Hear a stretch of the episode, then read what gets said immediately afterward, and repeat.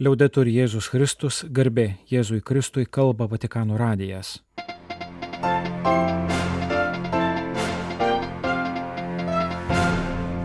Malonus klausytojai šioje programoje. Daugiau apie popiežiaus sekmadienį paskelbtus maldos metus. Pranciškaus pratarmė knygai skirta pasirinkimui 2025 m. jubiliejui apie maldą. Ir įvadas naujam katekizmo jaunimui jų kat leidimui italų kalba. 20 katalikų bažnyčios ir rytų ortodoksų bažnyčių dialogo metų. Haičio vyskupas pasisiūlė tapti įkaitu vietoj pagruptų moterų vienuolių. Sekmadienį sausio 21-ąją popiežius paskelbė maldos metus, kuriais bažnyčia renksis 2025 m. jubiliejui. Antradienį sausio 23-ąją vyko spaudos konferencija, per kurią buvo pristatytas maldos metams skirtų leidinių projektas. Jį parengė už jubiliejaus renginius atsakinga evangelizacijos dikasterija. Per antradienio ryto spaudos konferenciją su projektu supažindino evangelizacijos dikasterijos proprefektas arkivyskupas Salvatore Fizikella. 2024 metai, per kuriuos bažnyčia renksis jubiliejui, bus metai, per kuriuos turi aiškiau atsiskleisti dvasiniai jubiliejaus aspektai, kurie yra svarbesni už visus organizacinius aspektus, kalbėjo arkivyskupas. Kad jubiliejus taptų visos Dievo tautos gyvenimą dvasiškai praturtinančių įvykių, jam turi būti rengiamasi ir jis turi būti išgyvenamas su krikščioniškai vilčiai būdinga laukimo dvasia. Šį esminį rengimosi bruožą turi pabrėžti dabar pradedami maldos metai. Norima, kad šie metai taptų ypatingu laikotarpiu, kai bus iš naujo atrandama maldos vertė, kasdienės maldos poreikis krikščionių gyvenime. Bus mokomasi melstis ir bus mokoma, kaip melstis šiandien skaitmeninės kultūros amžiuje.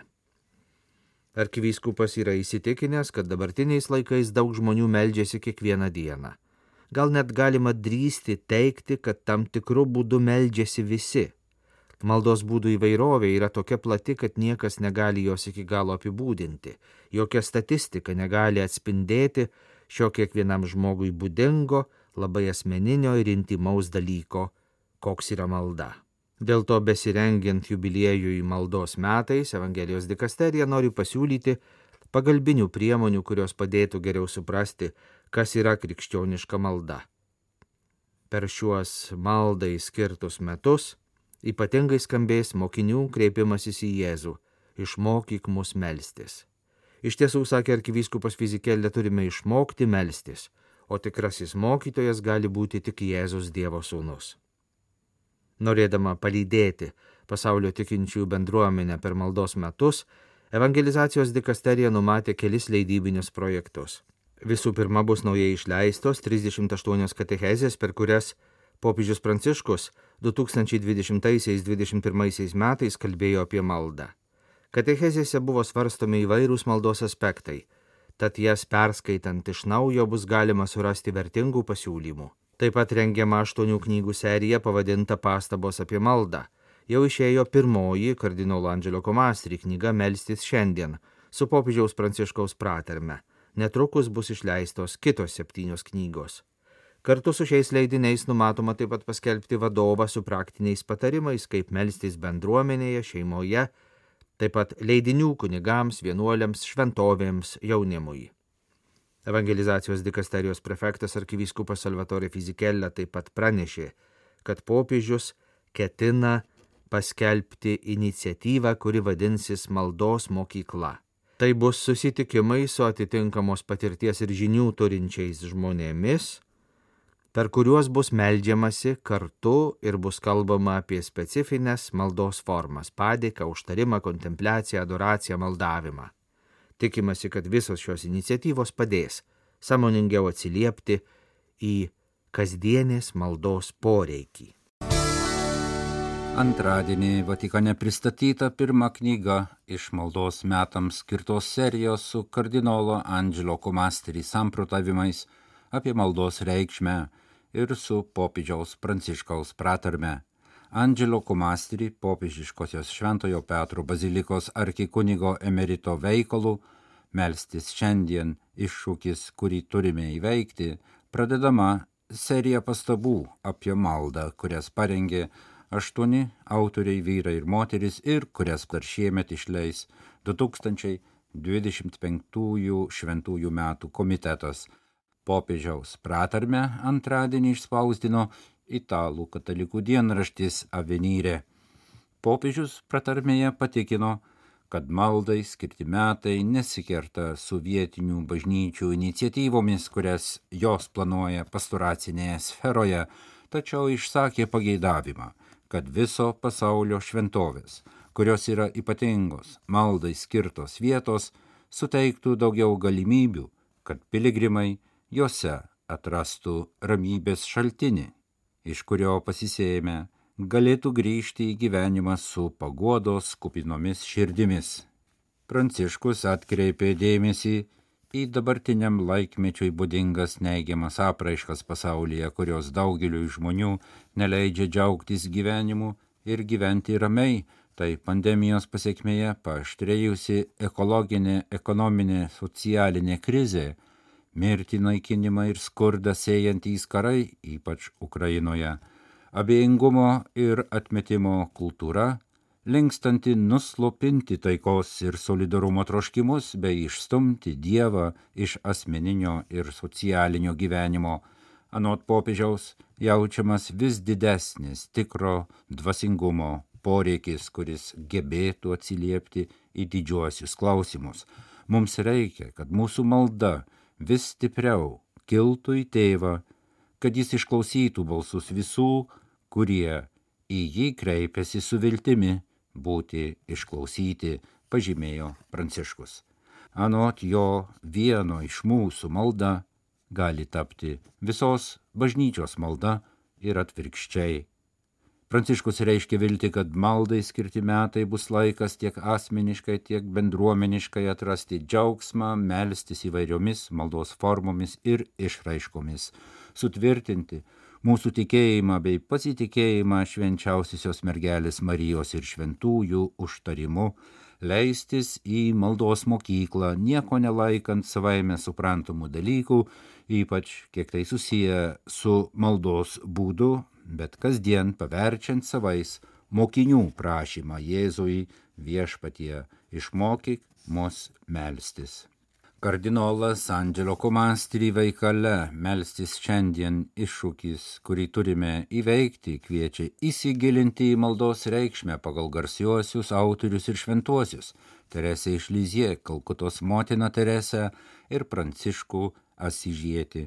Pasak kardinolo, malda galime pakelti pasaulį, tačiau žmogus be maldos negali pasiekti savo pilnatvės, mat be Dievo mes esame per dideli vargšai, kad gebėtume padėti vargstantiems. Tačiau malda traukia į Jėzų. Turime prašyti Jėzaus, kad išmokytų mus melstis. Be maldos nėra gyvenimo. Jėzus melsdavosi. Vien šio argumento turėtų užtekti, kad ir mes būtume paskatinti melstis. Dienraštis Lastampa pirmadienį sausio 22 dieną paskelbė popiežiaus laišką jaunimui. Pranciškus pristato jauniesiems italams katekizmo jaunimui UCAT ketvirtąjį leidimą italų kalba. UCAT tai katalikų bažnyčios katekizmas skirtas jauniems žmonėms tokiems kaip tu, rašo Pranciškus. Jis remiasi didžiuoju katalikų bažnyčios katekizmu, tačiau yra parašytas tokiu stiliumi ir ritmu, kurie, esu tikras, padės tau išgyventi krikščioniškojo gyvenimo patirtį kaip nepaprastą ir žavų nuotykį, padės susitikti ir susipažinti su Jėzumi, jo pasakytais žodžiais, nuveiktais darbais, jo misija žemėje ir galiausiai jo meilės žmonėms didybę, nuvedusią jį iki mirties ant kryžiaus ir šlovingo prisikelimo. Popiežius ragina imti į rankas ir skaityti šią knygą. Ji neturi kito tikslo, kaip tik paskatinti meilę Jėzui. Studijuokite šį katekizmą ir suteikite jam galimybę priartinti jūs prie Jėzaus, prie jo gyvenimo, jo meilės žinios, prie jo Dievo ir žmogaus veido. Visiems reikia Jėzaus tvirtina popiežius, visiems reikia jį pažinti, užmėgsti su juo ryšį, o užmesgus ryšį niekada jo nenutraukti. Ką daryti, kad ryšys su Jėzumi visada būtų tvirtas? Popiežius pasiūlė Čilės šventojo Alberto Urtado, kitados pasiūlytą būdą. Visada ypač sudėtingose gyvenimo situacijose klausti, ką Kristus darytų mano vietoje. Ką Kristus darytų mano vietoje mokykloje, universitete, gatvėje, namuose su draugais darbe. Popiežius ragino jaunimą stengtis Jėzaus akimis žiūrėti į viską, kas dedasi aplinkui, į sprendimus, kuriuos reikia priimti. Niekada neužmirškite, kad Kristus gyvena su mumis. Jis yra mūsų viltis ir gražiausia šio pasaulio jaunystė. Viskas, prie ko jis prisiliečia, tampa jauna, atsinaujina, prisipildo gyvybės. Sausio 23 dieną popiežiškajame Šventojo Tomo Akviniečio universitete Romoje surinkta konferencija, kuria paminėtas katalikų bažnyčios ir rytų ortodoksų bažnyčių teologinio dialogo 20-metis, sutampantis su bendros teologinės komisijos įsteigimu. Šis renginys įsiterpia į dabar vykstančią krikščionių vienybės savaitės renginių programą. Kaip nurodoma, krikščionių vienybės dikasterijos interneto svetainėje katalikų bažnyčia mesga tiek dvipusius teologinius dialogus su bažnyčiomis, tiek su krikščionių bažnyčių grupėmis, kurios dalyjasi bendru istoriniu, geografiniu, liturginiu ir minties paveldu. Viena didelė grupė yra vadinamosios bizantiškosios tradicijos bažnyčios. Visų pirma, ekumeninis Konstantinopolio ortodoksų patriarchas, taip pat senieji Jeruzalės, Antiochijos, Aleksandrijos ortodoksų patriarchatai. Ortodoksų bažnyčios Rumunijoje, Bulgarijoje, Gruzijoje, Rusijoje, Lenkijoje, Kipre, Albanijoje, Čekijoje ir Slovakijoje, Serbijoje. Kita didelė bažnyčių grupė - Rytų ortodoksų bažnyčios. Šiai grupiai priklauso Egipto, koptų ortodoksų, Antiochijos sirų ortodoksų, Armėnų, Etijopijos ortodoksų, Eritrėjos ortodoksų, sirų ortodoksų malankarų ir sirų ortodoksų malankarų Jakubito bažnyčios. Dialogas su atskiromis bažnyčiomis yra pažengęs nevienodai. Su kai kuriomis netrūksta bendrų deklaracijų, dokumentų, vizitų ir kitų iniciatyvų, apimančių laikotarpį nuo Vatikano antrojo susirinkimo, kai katalikų bažnyčia pasirinko ekumeninę kryptį, iki šios dienos. Su kitomis bažnyčiomis dialogas netoks intensyvus, ar vos vos rusena ir yra sudarytas iš vos kelių susitikimų ar laiškų. Šį antradienį Romoje surenkta konferencija paminimas bendros teologinės komisijos, kurią sudaro katalikų ir rytų bažnyčių teologai, įsteigimo 20-metis ir jos vaisiai. Tarp jų išsiskiria trys svarbus dokumentai. 2009-aisiais paskelbtas dokumentas apie bažnyčios prigimtį, sąrangą ir misiją. 2015 metais parengtas dokumentas apie bendrystės kelius ankstyvojoje bažnyčioje ir jų įtaką bendrystės paieškoms šiandien. O 2022 žengtas dar vienas žingsnis ir paskelbtas bendras dokumentas apie sakramentus bažnyčios gyvenime. Tarp sausio 23 dienos konferencijos Romoje pranešėjų, katalikų ir rytų bažnyčių teologinių dialogų komisijos pirmininkai kardinolas Kurtas Kochas, krikščionių vienybės dikasterijos prefektas ir koptų ortodoksų vyskupas Kirilos. Jie taip pat yra bendraautoriai pratarmės, kuria pristatomas visus svarbesnius katalikų ir rytų krikščionių dialogo momentus 2003-2023 metų laikotarpiu susumuojantis raštų tomas. Vatikano leidyklos išleistas būtent 20 dialogo metų sukakties proga. Tęsiasi vienuolių pagrobimo drama Haityje. Sausio 19-ąją pagrobėjai sustabdė automobilį, kuriuo keliavo šešios šventosios onos kongregacijos seserys, vairuotojas ir dar viena jauna moteris. Ir visus kažkur nugabeno. Porto Prenco arkiviskupija paprašė sausio 24 dieną visose parapijose specialiai melstis už jų išlaisvinimą, o ant savo viskupijos ganytojas Pieras Andrė Diuma pasisiūlė tapti įkaitų vietoje pagruptųjų, tarnavusių patiems neturtingiausiems. Pasak liudytojo Šventosios Onos seserų transporto priemonė buvo sustabdyta anksti penktadienio ryte vienoje iš centrinių sostinės gatvių. Kalbant apie nusikaltimo kroniką, tai dėja eilinis įvykis. Įkaitų pagrubimai ir išpirkų reikalavimai Haityje yra tapę kone verslo rušimi. Per dieną būna ir po keletą pagrubimų. Taip pat reikia atsiminti, jog didžioji dalis Haičio sostinės, daug kitų šios Karibų salos vietovių ir gyvenviečių yra kontroliuojamos nusikalstamų grupuočių, o valstybės įtaka minimali. Katalikų bažnyčios Haityje vyresnėjai daug kartų kalbėjo ir smerkė žmonių grubimus bei vyraujantį nusikalstamumo klimatą, nuo kurio neapsaugotas niekas. 2021 Liepą per naktį surenktą užpulimą buvo nužudytas ir Haičio prezidentas Žuvanelis Moze. Šiek tiek vėliau nuo žaizdų mirė ir jo žmona Martin. Tuoj po Šventosios Onos kongregacijos seserų bei jų dviejų bendražygių pagrobimo viskupas haitietis Pieras Andrė Diuma parašė labai stipriai ir tvirtai smerkime šį paskutinį barbarišką ir pasibaisėtiną veiksmą prieš pasišventusias moteris, kurios iš širdies atidavė save Dievui, kad ugdytų ir tarnautų neturtingiausiams jaunuoliams ir pažeidžiamiems. Mes prašome išlaisvinti vienulės, jų vairuotoją ir kitą keleivę. Mes prašome nustoti daryti tokius bjaurius ir nusikalstamus veiksmus palaimintoje Haičio žemėje, nes jie nepaprastai pažemina žmogaus orumą ir kitus pasiekimus užtikrintus mūsų krašto tėvų ir motinų steigėjų.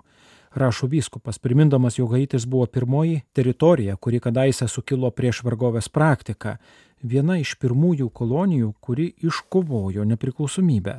Galima pridurti, jog visai neseniai 2024 sausio 1 Haitis paminėjo 220-asias nepriklausomybės metinės. Raginame visus organizuojančius šiuos bjaurius veiksmus ir pačius pagrubėjus savo nusikaltimais išniekinančius mūsų bendrapiliečių veidus, bjaurojančius mūsų šalies įvaizdį parodyti gailestingumą ir įsiklausyti į gilų sąžinės balsą, nes vieną dieną turės atsakyti prieš Dievą ir istorijos teismą už šią nežmogišką prekybą, rašo vyskupas.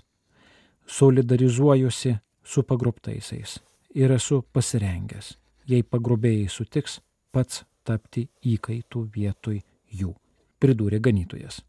Sausio 22-ąją komunikatą paskelbė Porto Prenso arkiviskupija, kuri dar kartą pasmerkė ginkluotų gaujų smurtą, žeminančią Dievo vaikų rūmą Arkiviskupija paprašė visas savo parapijas trečiadienį sausio 24-ąją surenkti maldos susitikimus, adoracijos ir meditacijos valandas už pagruptų vienuolių, seserų ir kitų pagruptų žmonių greitą išlaisvinimą.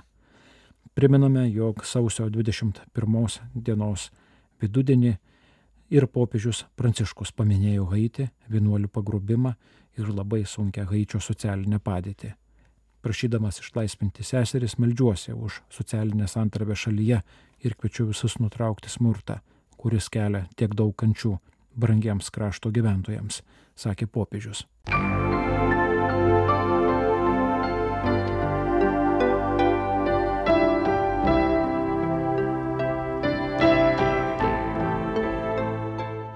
Malonus klausytojai laidą lietuvių kalbą baigiame.